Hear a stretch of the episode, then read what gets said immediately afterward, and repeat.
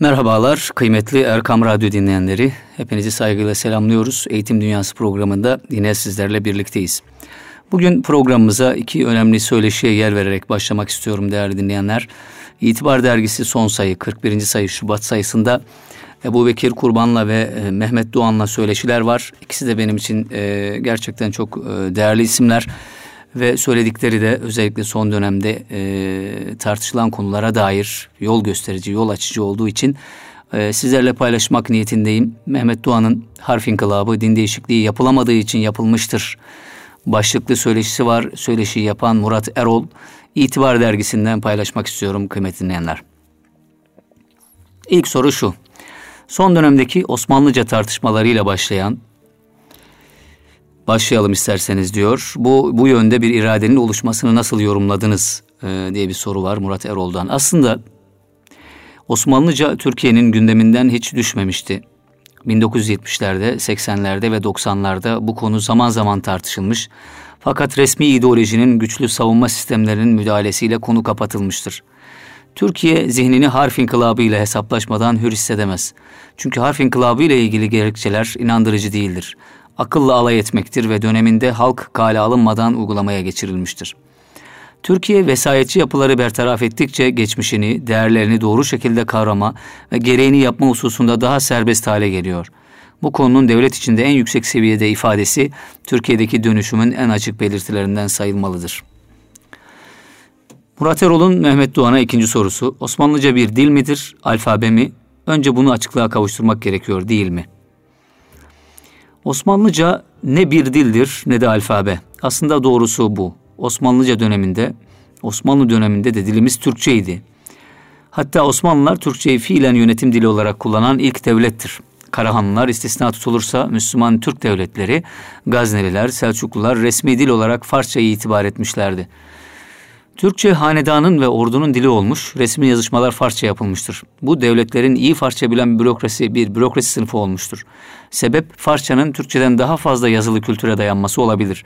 Büyük Selçuklularda olduğu gibi Anadolu Selçuklularında da resmi dil Farsçadır. Mevlana'nın başkent Konya'da eserlerini Farsça yazması boşuna değildir. Fakat Anadolu sürgit Farsça bürokratik kadro temin eden bir otorite merkezi olamamıştır. Anadolu Selçuklu Devleti'nin inkırazıyla ortaya çıkan beylikler işlerini Türkçe görmeye çalışmışlardır. Osmanlıların da Orhan Bey'den itibaren Türkçeyi devlet dili olarak kullandıkları bilinmektedir. Burada tuhaf olan şudur.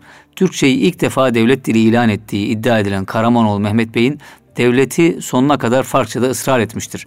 Yani Karamanoğulları Beyliği'nin resmi dili Farsçadır. Özellikle üzerinde vurgu yapılan, konuşulan meselelerden biri Mehmet Doğan buna açıklık getiriyor. Türkçe Osmanlı döneminde bir imparatorluk dili olmuştur. Birçok dilden tabii olarak Arapça ve Farsça başta olmak üzere çok sayıda kelime almış, birçok dile de kelime vermiştir. Bugün bilhassa Balkan ülkelerinde Türkçenin binlerle ifade edilen kelimesinin Sırpça, Arnavutça veya Bulgarca'da kullanıldığını görebiliriz. Bu dilin 19. yüzyılda Batı ilim, edebiyat ve fen eserlerini tercüme suretiyle daha geliştiğini, bu alanlarla ilgili çok sayıda terim üretildiğini hatırdan çıkarmamalıyız. İşte tam bu dönemde 1890'da Red House meşhur Türkçe-İngilizce sözlüğünü hazırlamıştır. İngilizce ismi Turkish English Lexion.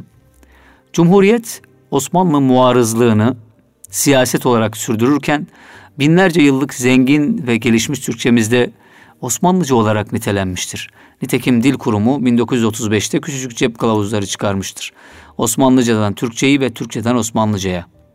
Bu resmi kullanımı önemsemeyebiliriz. Fakat bunun öğretim sisteminde, iletişim sisteminde kullanılması sonuç doğurmuş ve bugün Osmanlıca, bugün Osmanlıca farklı bir dil gibi algılanır olmuştur. Alfabeye gelince malum Osmanlı elifbasının esası Kur'an yazısıdır. Buna bütün dünyada Araf alfabesi denilir. Bu alfabeyi Farslar ve Türkler bazı işaretler ekleyerek kullanmışlardır. Bugün nasıl Latin alfabesinden alınma alfabeye Türk alfabesi deniliyorsa harf inkılabından önce kullanılan alfabeye de Türk alfabesi denilebilir. Nitekim dönemin edebiyatçıları böyle tesmiye etmişlerdir. Harf inkılabından sonra bin yıllık alfabemize eski yazı denilmiştir. Yazı eskitmek bize mahsustur. Bu hamakataver görüşü çürüten uygulamalar hala vardır. Suriye'de, Irak'ta, İran'da, Afganistan'da Türkler, Türkmenler hala bu eski olduğu söylenen alfabeyle yazıyorlar. Daha ötesi var. Çin kontrolündeki Uygur özerk bölgesinde bizim eskittiğimiz elifba kullanılıyor. Hem de bu harfleri herhangi bir Çin parasında görürseniz şaşırmayın. Murat Erol yine soruyor Mehmet Doğan'a. Diğer yandan şunun üzerinde duruldu mu bilmiyorum. Osmanlıcanın alfabe olarak ortaya konulması meselesinin temelleri konusu. Farsça ve Arapça gibi iki kuvvetli dile rağmen Türkçenin ve farklı iddiaların aksine kimliğin korunduğunu görüyoruz. Osmanlıca İslam dairesinde kalarak aynı zamanda Türk millet kimliğini de korumanın bir yolu diyebilir miyiz? Yahya Kemal milletin esası kan değil dindir diyor. Müslüman toplumlar Kur'an dilini esas almakla beraber kendi dillerini de geliştirerek dini kültürlerinin bir parçası haline getirmişlerdir. Günlük dini terminoloji Araplarda başka, Farslarda başkadır. Türkçe'de günlük dini terminoloji Arapçadan çok Farsçaya meyletmiştir. Bunun sebebi tarihidir. Çünkü Türkler İslam'ı önce Farsça bilen hocalardan talim etmişlerdir. Abdest, namaz, oruç, peygamber bunlar Farsçadan dilimize geçen ve her gün kullandığımız kelimeler. Din alimleri bile vudu, salat, savun, rasul kelimelerini günlük hayatta kullanmaz. Biz Farsça kelimelere, kelimeleri yardımcı fiillerle kullanırız. Abdest alırız, oruç tutarız, namaz kılarız. Namaz vakitleri için sabah, öğle, ikindi, akşam, yatsı kelimelerini kullanırız. Sabah Arapça olmasına rağmen onlar fecr derler. Şam Farsçadır. Biz onun başına ak sıfatını getirerek yeni bir kelime üretmişiz. Akşam. Öğle, ikindi ve yatsı ise tamamen Türkçe. 1930'lu yıllara kadar öğretim sistemimiz İslam'ın üç temel dilini öğretirdi. Arapça, Farsça ve Türkçe. İslam medeniyetini bu üç dilde yazılmış eserlerden kavrayabilirdiniz. Türkçe, Arapça ve Farsçadan sonra gelmekle beraber Batı ilim, fen ve edebiyatı ile temastan ötürü 19. yüzyılda bu iki dilin önüne geçmiştir. Halen de bu iki dilde kullanılan birçok terim İstanbul'da üretilmiştir. Bu kelimeler esas olarak Arapçadan türetilmekle beraber o zamana kadar derlenen Arapça sözlüklerde yer almazlar. Tartışma harf inkılabıyla başlıyor diyor Murat Erol, Mehmet Doğan'a soruyor. Onun evvelinde Cumhuriyete gelene kadar bildiğim kadarıyla Latin alfabesi tartışılıyor. Münif Paşa'nın Osmanlıca'ya yönelik getirilmesi önerileri. Abdullah Cevdet'in İçtihat dergisindeki Latin alfabesi önerisi. Enver Paşa'nın Münif Paşa'nın izindeki uygulamaları, Ziya Gökalp'in 1910'ların başındaki önerileri sayılabilir. Yani Cumhuriyete kadar bir süreçten bahsedebiliyoruz. Hatta Pratikte de Latin alfabesiyle yer yer karşılaşıldığına dair kayıtlar var. Bu konuda neler söylersiniz? Her şey her zaman konuşulabilir, tartışılabilir. Bu konuda Azerbaycanlı Anundzade Fethali Osmanlı kamuoyuna ilk defa görüş beyan etmiş fakat kabul görmemiştir. Sonra da kullanılan alfabenin Türkçe sesleri ifade edecek şekilde ıslahı düşünülmüş. Bu Birinci Dünya Savaşı sırasında askeri alanda uygulanmaya çalışılmıştır ki buna enveri yazı denir. Buna rağmen 1920'li yıllarda Sovyet kontrolündeki Azerbaycan'da Latin harflerine geçileceği haberler üzerine Türkiye'nin önde gelen ilim ve fikir adamları bin yıllık alfabemizi savunan yazılar yazmışlardır. Bunların arasında Avram Galanti gibi azınlıklardan isimler dahi vardı. Tabii bu çok ilginç. E, Mehmet Doğan e, ilginç tespitlerde bulunuyor değerli dinleyenler itibarda. Diyor ki o dönemde 20'li yıllarda Sovyet kontrolündeki Azerbaycan'da Latin harflerine geçileceği haberleri üzerine Türkiye'nin önde gelen ilim ve fikir adamları bin yıllık alfabemizi savunan yazılar yazmışlardır. Bunların arasında Avram Galanti gibi azınlıklar isimleri dahi vardı. Tabii birkaç yıl sonra konu yukarıdan gündeme getirilince bunların birçoğu inkılapçı kesildiler.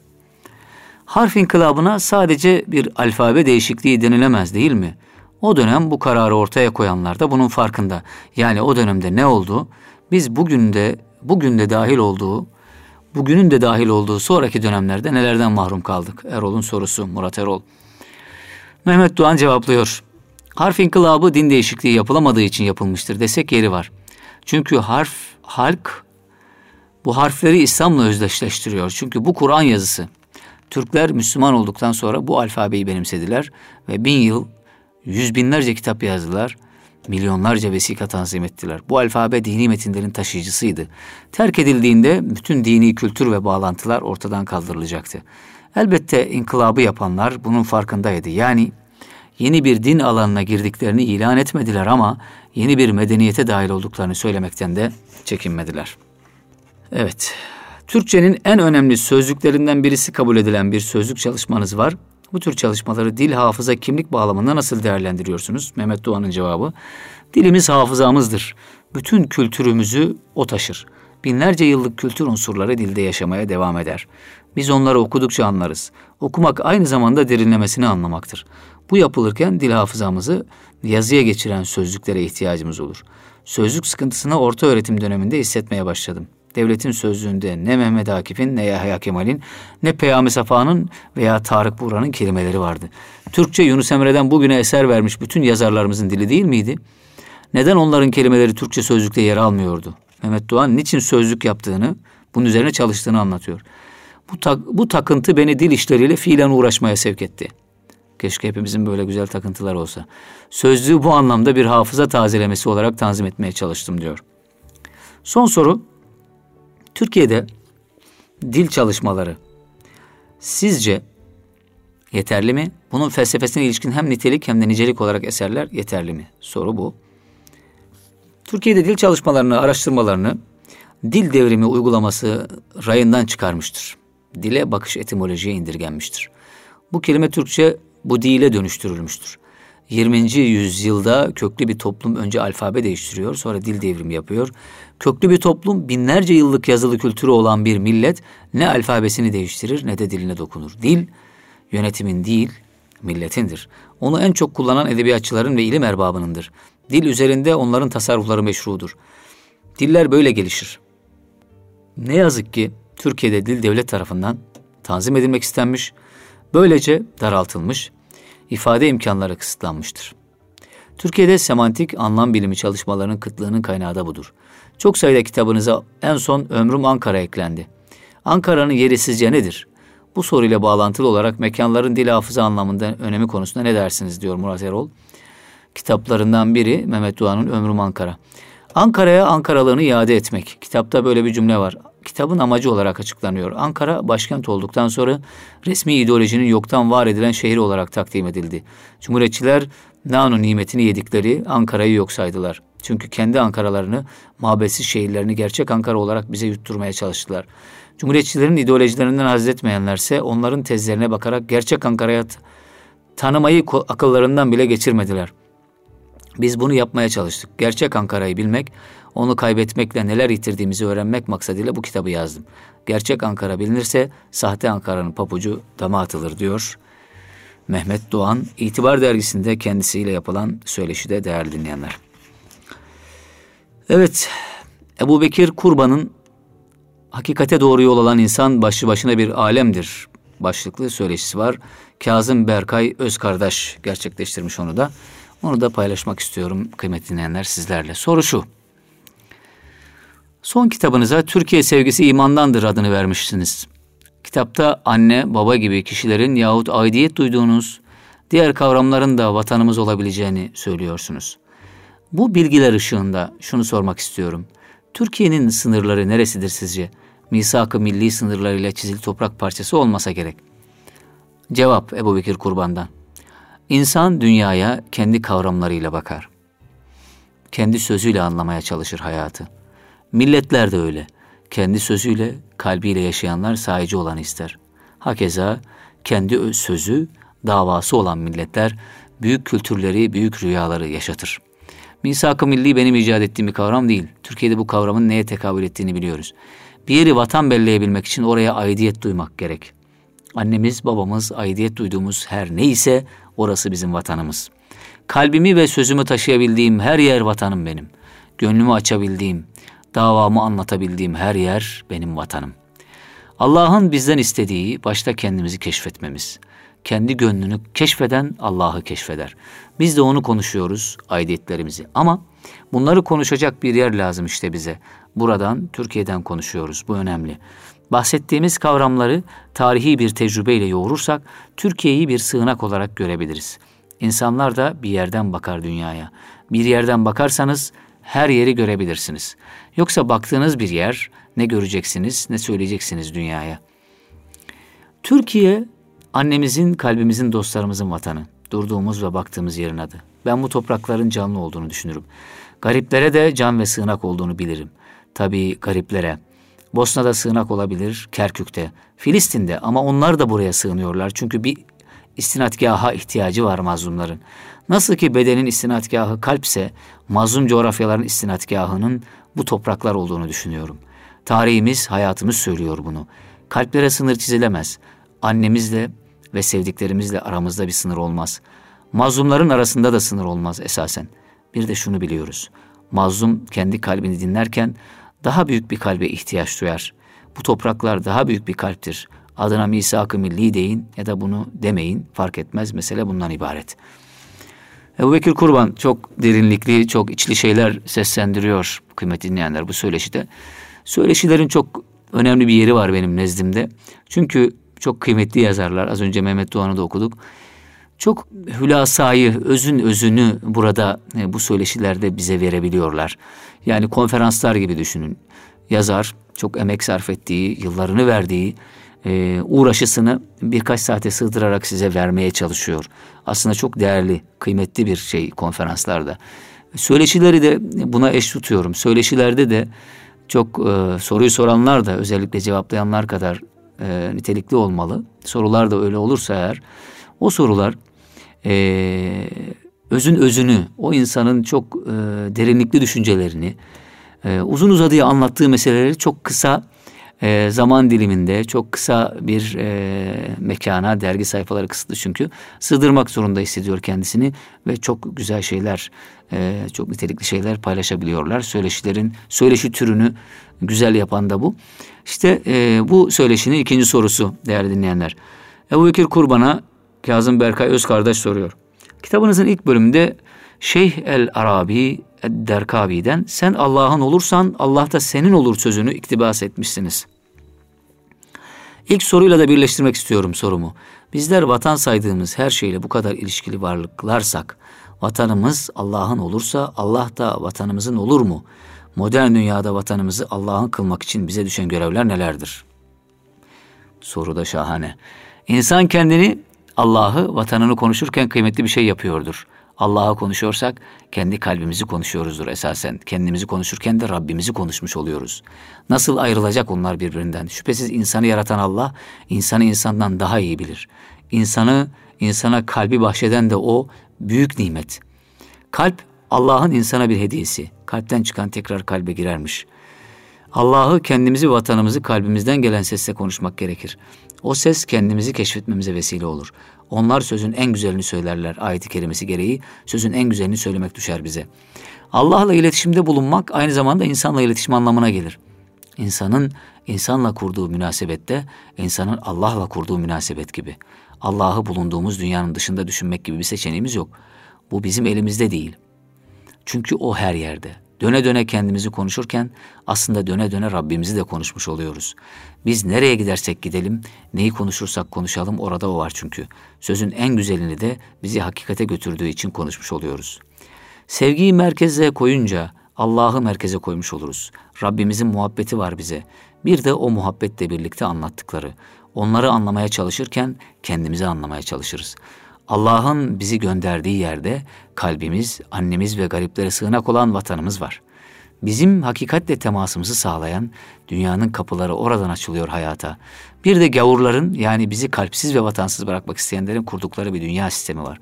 O sistem bize şunları konuşun, şunları hissedin, şunları konuşmayın, şunları hissetmeyin diyor. Bu sistemin içinde anne kavramının tanımını yeniden yaparsak ona bakıcı demek zorunda kalırız. Başınızı omzunuza koyup yol yürüyeceğiniz, omzuna koyup yol yürüyeceğiniz bir ilişkiyi o sistem kaldırmaz. Hakkı, güzelliği perdeleyen insanların böyle bir dünya sistemi var işte. Onlar için vatanın da, arkadaşın da, aşkın da çok önemi yok. Kalbimizi Allah'ın kılarsak bir adım atmış oluruz. Ümmi olana yönelirsek ve fıtrat üzerine yaşamayı denersek hakiki bir şey yapmış oluruz. Dostlarımızın başımızı omzuna yaslayacağımız insanların ülkesinde, gariplere sığınak olan bir ülkede kalbimizin neşesini unutmazsak o gavur sisteminin dışında kalmayı başarabilir, vatanımızı Allah'ın kılabiliriz. İnsanın bir kalbi varsa ona savaş açmış olan dünya sisteminin dışında tutmaya çalışır kalbini. Bir rüyanın peşinden gider, bir vatana yönelir. Rüyamız, türkümüz, duamız. Dünya sisteminin istemediği ne varsa tutunacağız onlara. Yumruksa yumruk, şarkıysa şarkı, bilgi ise bilgi. Bizi dünya vatandaşlığından koruyan ne varsa onlarla arayacağız vatanımızı, Allah'ın kılmanın yolunu. Bu toprakların türküsünü söyleyerek aramaya devam edeceğiz. Dünya sisteminin bizi çağırdığı yeri biliyoruz, cehennem. Bizse cennete gitmek istiyoruz. Bizimle hangi söz, hangi vatan ebediyet yolculuğuna çıkar? Bu sorunun peşindeyiz. muhabbetle cennete gitmek istiyoruz yani. Bu muhabbet insanlığa da çok iyi gelebilecek bir şey. Ama istemez zalimler. Biz muhabbetle, neşeyle vatanımızı Allah'ın kılarak cennete gideceğiz.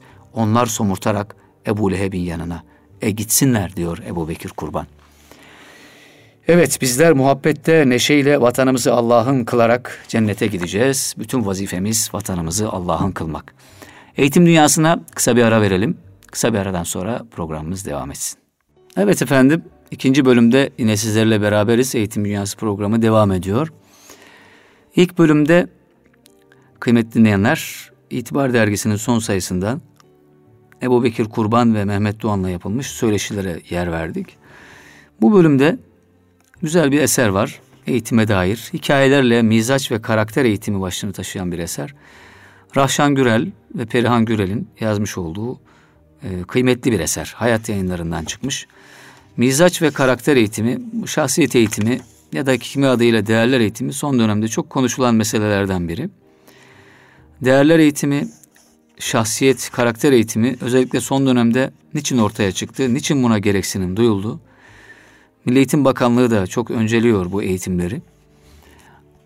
Bunu hepimizin malumu niçin ortaya çıktı. Çünkü gittikçe gençlerde, yeni nesilde bir ahlaki yozlaşma, davranışlarda, sözlerde, eğilimlerde, düşüncelerde ciddi bir erozyon, ahlaki erozyon söz konusu. Bütün bunlara el atmanın, el atmak gerektiğinin şuurunda artık insanlar. Bu biraz geç bir şuurlanma ama e, yine de bir şeydir, bu da bir şeydir deyip bu çalışmalara destek olan insanlar var. Bu çalışmalara birebir katılan insanlar var. İstanbul Gönüllü Eğitimciler Derneğimiz de bu alanda önemli çalışmalar yapıyor. Yazın ve e, birinci dönem gerçekleştirilen formatör programı çerçevesinde şahsiyet eğitimi başlığı altında bir kadro, bir uzman, formatör kadrosu oluşturuldu. Bu kadro e, inşallah Türkiye'nin çeşitli yerlerinde değerler eğitimiyle ilgili, şahsiyet eğitimiyle ilgili çeşitli öğretmenlerimize, eğitimcilerimize seminerler verecekler. İyi bir ekip ruhuyla çalışmalar başlatıldı. Bununla beraber İGEDER'de önemli etkinliklerden biri de e, şu an çalışma aşamasında, temellendirilme aşamasında şahsiyet eğitiminin müfredatlara birçok derste yani birinci sınıftan 12. sınıf, lise son sınıfa kadar birçok derste müfredatlara yedirilmesi, giydirilmesi söz konusu. Müfredatların şahsiyet eğitimi ekseninde ele alınması söz konusu. Eğitimimizde çok önemli bir devrim eğer o kelimeyi kullanacaksak. E, güzel bir çalışma başlatılıyor. Bu çalışmaya yazılarıyla, müfredat önerileriyle destek olmak isteyen kıymetli eğitimcilerimiz İGEDER'le lütfen temas kursunlar. İstanbul Gönüllü Eğitimciler Derneğimizde igeder.org.tr'den iletişim bilgilerini, adreslerini alabilirler. Oradan e, bu çalışmalara destek olabilirler. Bu çalışma geleceğimiz açısından çok önemli, neslimiz açısından çok önemli. Yani değerler eğitimi, şahsiyet eğitimi dediğimiz şey bir hap, bir ilaç değil. Yani bir paket halinde sunulması çok elzem değil. Değerler eğitimi bir de e, ismiyle beraber öğrencilerin önüne konulduğunda, bir ders yapıldığında bu çok itici olabiliyor ve aslında öğrenciye ulaşmanıza da mani olabiliyor bu tür çalışmalar. O yüzden hissettirmeden dersler içerisinde Türkçe'de, matematikte, fen bilgisinde şahsiyeti oluşturacak, karakteri olumlu yönde etkileyecek değerlerin serpiştirilmesi, verilmesi gerekiyor. Bu çalışmalar Türkiye'nin geleceği açısından eğer yeni Türkiye deniliyorsa hem geçmişte kurulacak sağlam köprüler hem de o köprülerin geleceğe uzanması manasına eğitimcilerin yapıp yapabileceği en önemli çalışmalardan biri olsa gerek. Bu aslında eğitimcilerimiz açısından bir sadakayı cariyedir de bir müfredata bir şahsiyet eğitimini çok güzel bir şekilde serpiştirmiş. Örneğin e, sorumluluk bilincini, efendim merhamet ve sevgi e, hislerini, duygularını güzel bir şekilde bir Türkçe konusunu müfredatı içerisine, teması, ünitesi içerisine yerleştirmiş. Hikayeyle, etkinlikle bunu öğrenciye sunmuş bir öğretmenin yapmış olduğu bu çalışma, e, onun defterinin hiç kapanmayacağı, e, adeta bir salih evlat şeklinde ona geri döneceği e, bir sadakayı cari olacak. Bu çalışmalar çok kıymetli. Bunları inşallah önümüzdeki programlarda da bu çalışmaların koordinatörleriyle masaya yatırmak isteriz.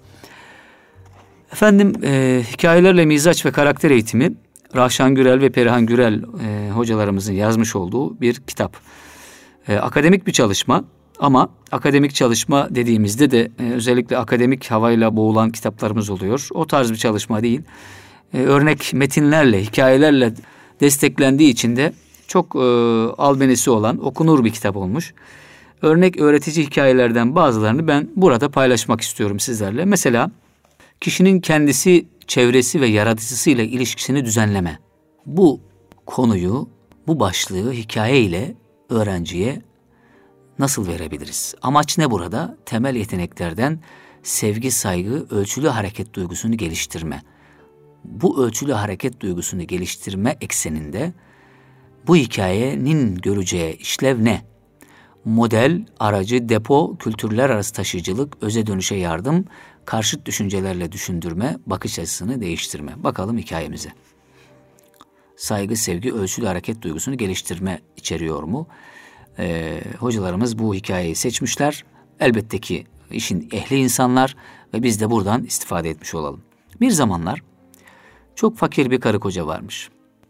O kadar fakirlermiş ki küçücük bir kulübeden başka bir şeycikleri yokmuş. Kış mevsimi de gelip çatmış. Yatacak, yakacak odunlarının olmaması çok üzüyormuş onları. Bir gün kapının önünde oturmuş, gecenin soğuğuna karşı nasıl direneceklerini düşünüyorlarmış. Birden önlerinde zayıf bir kedi belirmiş. Kediyi içeri alan iyi yürekli karı koca akşam yemeği olarak ayırdıkları ekmeği onun önüne koymuşlar. Bir süre sonra kedi kaybolmuş. İhtiyar karı koca ise yanmayan ocağın önüne oturmuş titreyerek sabahı beklemeye başlamışlar. Ama o da ne? Ocağın içinde bir de, birden iki sıcacık kor beliri vermiş. İhtiyar adam karısına hissediyor musun demiş. Şu iki ateş parçası nasıl da güzel sıcaklık veriyor. Evet evet demiş kadıncağız. Birden ısını verdim. Ocağa biraz daha yaklaşan karı koca ellerini uzatıp bir güzel ısınmışlar. Uzun zamandır ilk kez bu kadar sıcakmış evleri. İçlerine işleyen sıcaklıkla birlikte ne kadar çok mutlu olduklarını hatırlamış, hatırlamışlar birden. Geçmiş güzel günlerden bahsedip Allah'a şükretmişler. Sabahın nasıl olduğunu fark etmemişler bile. Yaşlı adam, karıcığım demiş biliyor musun? Seni çok seviyorum. Ben de demiş yaşlı kadın. Ben de seni çok seviyorum. Yoksulluğumuzu da hiç umursamıyorum. Ne kadar da zenginmişiz biz böyle. Sabahın ilk ışıkları içeriye süzülürken ocağın içinde bir şey fark etmişler. Karnını doyurdukları kedi iri altından gözlerle onlara bakıyormuş. Ocakta ise ateş adına hiçbir şey yokmuş. Onları sabaha kadar ısıtan şey kediciğin ışıyan gözleriymiş meğer. Evet, kişinin kendisi, çevresi ve yaratıcısıyla ilişkisini düzenleme. Yeni bir hikaye, temel yeteneklerden sevgi, saygı, ölçülü hareket duygusunu geliştirme. Şeyh Sadi'den alıntı bir hikaye paylaşıyoruz şimdi de. Adalet mülkün temelidir. Nuşirevan adaleti ve cömertliğiyle tanınan bir padişahtı. Bir gün dostlarıyla beraber ava çıkmıştı. Adamlarından birinin talihi yaver gitti, semiz geyikler avladı. Fakat pişirirken tuz olmadığını fark ettiler. Hizmetlilerinden birinden en yakın köye gidip tuz getirmesini istediler. Adam giderken Nuşirevan onu çağırdı. Para vererek bununla al dedi. Bununla al ki devletin parayla tuz alması bir gelenek olsun. Köylü perişan olmasın. Ama dikkat et ne bir dirhem fazla ne bir dirhem eksik öde. Etrafındakiler şaşırdılar. Bir parça tuzdan ne çıkar ki dediler. Hiç vermesen ne olur? Çok versen ne olur? Altı üstü bir parça tuz. Zulüm başlangıçta az idi diye konuştu padişah. Her gelen bir şey kattı büyüdü büyüdü. Bugünkü önü alınmaz şiddete ulaştı. Dünyadaki haksızlığa yola, asıl yol açan bu küçük şeylerdir. Küçük şeyler sonuçta bir gölü dolduran su damlaları gibidir. Dünyada büyük haksızlıklar küçük şeylerle başlar. Halkın bağından sultan bir elma yiyince adamları ağacın kökünü keser. Ya bir yumurta alarak zulmü başlatan padişahın askerleri bin tavuğu şişe geçirir. Bu sebeple git ve tuzu tam karşılığını ödeyerek al. Evet. Hikayenin çözümünü de vermişler e, hocalarımız. Hikaye her ortamda ölçülü hareket etmenin önemini vurguluyor. Harika. Nuşirevan padişah olmanın da verdiği sorumluluk duygusuyla hareket ediyor. Evet. Yanındakiler duygu ve düşünce yönünden gelişemedikleri, gelişmedikleri için anlayamıyorlar. Dördüncüsü de padişah ne biçim düşünüyorsunuz demek yerine yaptığı örnek, örneklemelerle niçin öyle hareket ettiğini çarpıcı bir biçimde anlatıyor. Aslında hikaye başka başka şeyler de satırlar arasında e, öğrenciye naklediyor, öğretiyor değerli dinleyenler. Evet. Kişinin kendisi, çevresi ve yaratısıyla ilişkilerini düzenleme başlığı yine temel yeteneklerden bir tanesi özle dönüş, özgüven, kendine yeterlik duygusunu geliştirme. Şahsiyet eğitimini oluştururken bu başlıklarda şu hikaye verilebilir diyor hocalarımız. Hikayelerle Mizaç ve Karakter Eğitimi kitabı. Bakalım hikayemize. Çatlak Kova. Hindistan'da bir sucu boynuna astığı iki büyük kova ile su taşırmış. Ama kovalardan biri çatlakmış. Sağlam olan kova her seferinde ırmaktan efendisinin evine kadar uzanan uzun yolu dolu dolu tırmanırken çatlak kova içine konan suyun sadece yarısını eve ulaştırabilirmiş. Bu durum iki yıl boyunca her gün böylece devam etmiş. Efendim, sucu her seferinde efendisinin evine sade bir buçuk kova su götürebilmiş. Sağlam kova başarısından dolayı gururlanıp çatlak kovaya yüksekten bakarken zavallı çatlak kova da görevinin yarısını yerine getirebiliyor olmaktan dolayı utanç içindeymiş. İki yılın sonunda çatlak kova ırmağın kıyısında sucuya seslenmiş. Kendimden utanıyorum ve senden özür dilemek istiyorum demiş. Neden diye sormuş sucu. Kendinden utanmanın sebebi ne? Çatlak kova cevap vermiş. Çünkü iki yıldır çatlağımdan su sızdığı için taşıma görevimin yarısını yerine getirebiliyorum. Benim kusurumdan dolayı sen de bu kadar çalışmana rağmen emeklerinin tam karşılığını alamıyorsun. Sucu kovaya bugün eve dönerken yolun kenarındaki çiçeklere dikkat etmeni istiyorum senden demiş ve beraber yola koyulmuşlar. Çok güzel. Gerçekten de tepeyi tırmanırken çatlak kova patikanın yanındaki yabani menekşelerin güneşin altında pırıl pırıl parladığını görünce hayran olmuş ve bir an için suçluluk hissini unutmuş unutuvermiş. Fakat yolun sonunda yine eksilen ve suya gözü takılınca kendini kötü hissetmiş. Sucu kovaya yoldan geçerken sadece senin tarafında çiçekler açtığını, diğer tarafta ise çiçek olmadığını fark ettin mi diye sormuş ve açıklamış. Bunun sebebi benim senin kusurunu bilmem ve ondan nasıl yararlanacağımı keşfetmiş olmamdır. Yolun senden yana olan tarafına çiçek tohumları ektim ve her gün ırmaktan dönerken sen de onları bir güzel suladın. İki yıldır benim efendimin sofrasını süslediğim çiçekler senin yeşertip büyüttüğün çiçeklerdir. Sen böyle olmasaydın ne oraya çiçek ekmek aklıma gelecek ne de topladığım çiçeklerle efendimin gönlünü hoş edebilecektim. Sen tahmin edebileceğinden daha çok işe yarayan ve benim sağlam kovalara değişmeyeceğim iyi yürekli ve alçak gönüllü bir kovasın. Artık kendine boş yere eziyet etmeyi bırak.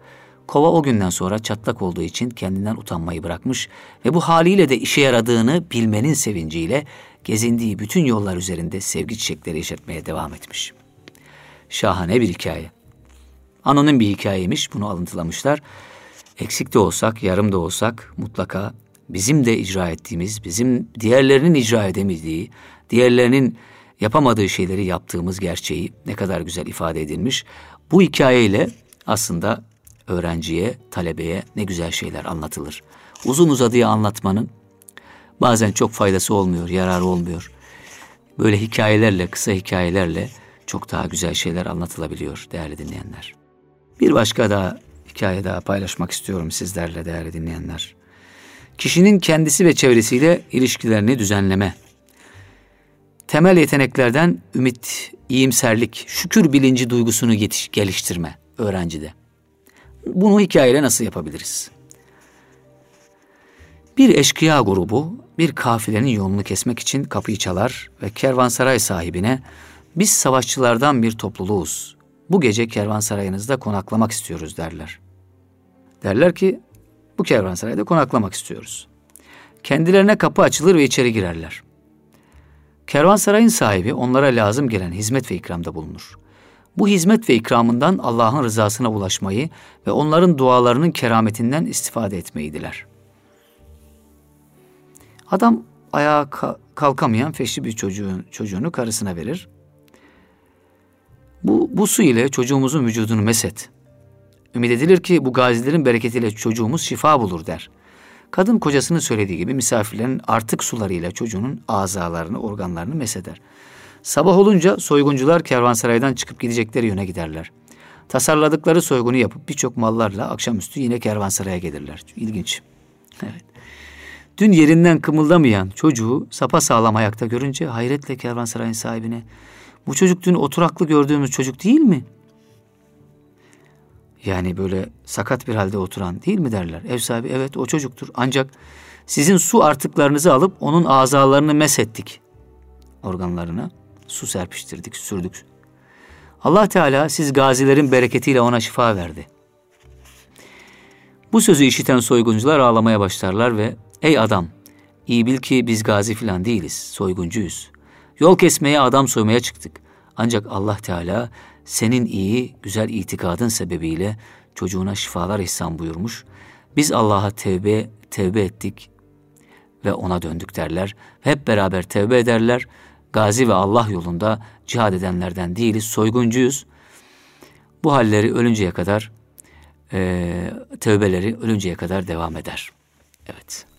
Hikayenin çözümünü vermiş kıymetli dinleyenler kitapta hocalarımız hikayelerle mizaç ve karakter eğitiminde hikayede iyi niyet ve ümitlilik duygusuna dayalı hüsnü zan besleme, hayata güzel bakma, ümidi koruma duyguları ele alınıyor. Kervansarayın sahibi gelenlerden hiç şüphelenmemiş, içi rahat olarak onları ağırlamış. Üç, bu durum onu uyan, onu olaylara güzel bakma ve iyi niyet duygularının üst seviyede gelişmiş olduğunu gösteriyor. Dört, eşkıyaların niyeti ve adamın niyeti arasındaki fark olgunluğun üst ve alt sınırını örneklendiriyor. Beş, onları gazi zannedip abdest sularının enerjisini çocuğunu iyileştirmede kullanıyor. Altı, kendi iyi niyetinin ve güçlü duyguların etkisiyle çocuğu iyileşiyor. Yedi, geri dönen eşkıyalar için bu olay ani bir duygu yükselmesi meydana getiriyor ve bir rucu, bir dönüş meydana geliyor. Evet. Son bir hikayeyle noktalayalım bu kitabımızı. Kişinin yine kendisi ve çevresiyle ilişkilerini düzenleme başlığı altında iyimserlik ve şükür bilincini yerleştirmek için şu hikaye anlatılmış. Padişah daha önce hiç deniz yolculuğu yapmamış bir köleyle aynı gemide yolculuk yapıyordu. Gemi sallandıkça köle korkudan titriyor, bir türlü sakinleşmiyor, vaveylası ile herkesi huzursuz, huzursuz ediyordu. Padişahın keyfi kaçmıştı. Bir adam öne atılarak, İzin verirseniz onu sakinleştireyim efendim dedi. Padişah ne yapacaksan yap yeter ki şu adamı sustur dedi adama. Adam kölenin denize atılmasını istedi. Bağırıp çağıran köleyi denize attılar. Birkaç defa batıp çıkan köle boğuluyorum imdat diye bağırmaya başladı. Köleyi yakalayıp gemiye çıkardılar. Bir köşeye bıraktılar. Köle artık sessizce oturuyordu. Padişah adama için öyle yaptığını sordu. Adam, efendim bu korkak kendini beğenmiş ve aceleci köle. Gemideki huzur ve güvenin farkında değildi. Suya düşünce değerini anladı dedi. Şehzadi'den bir alıntı bu hikayede değerli dinleyenler Gülistan'dan.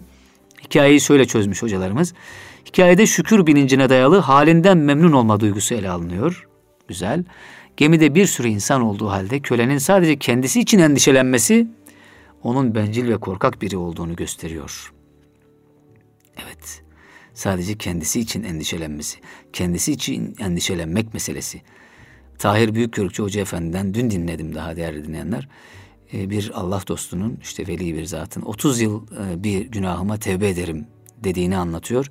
Bu tevbenin gerekçesinin niçin tevbe, hangi günahına tevbe ettiği sorulduğunda da bir yangın çıkıyor mahallelerinde, bir dükkanı var, bir ulak haberci geliyor.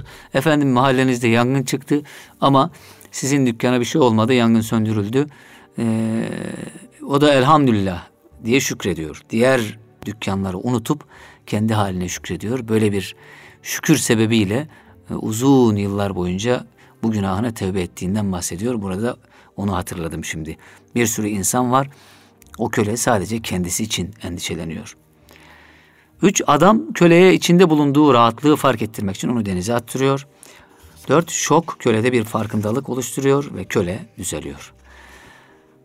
Çok kıymetli bir eser. Hikayelerle mizaç ve karakter eğitimi hayat yayınlarından çıkmış bir eser. Bütün eğitimcilere e, tavsiye ediyoruz. Sonunda özellikle e, son bölümlerde de e, değerlendirme ölç- ölçekleri var değerli dinleyenler. Bu hikayelerle ilgili e, A, B, C şıklarının olduğu tamamen katılıyorum, işte hiç katılmıyorum veya e, işte Nuşirevanı adil için aşağıdakilerden hangisi söylenebilir gibi ö, öğrencilerin, talebelerin de e, aktif katılabilecekleri etkinlikler var. Hikayelerle Mizaç ve Karakter Eğitimi kitabında. Eğitim dünyası bugünlük bu kadar. Haftaya inşallah sizlerle yeniden buluşmak dileğiyle diyoruz. Hepinizi Allah'a emanet ediyoruz efendim. Hoşçakalın.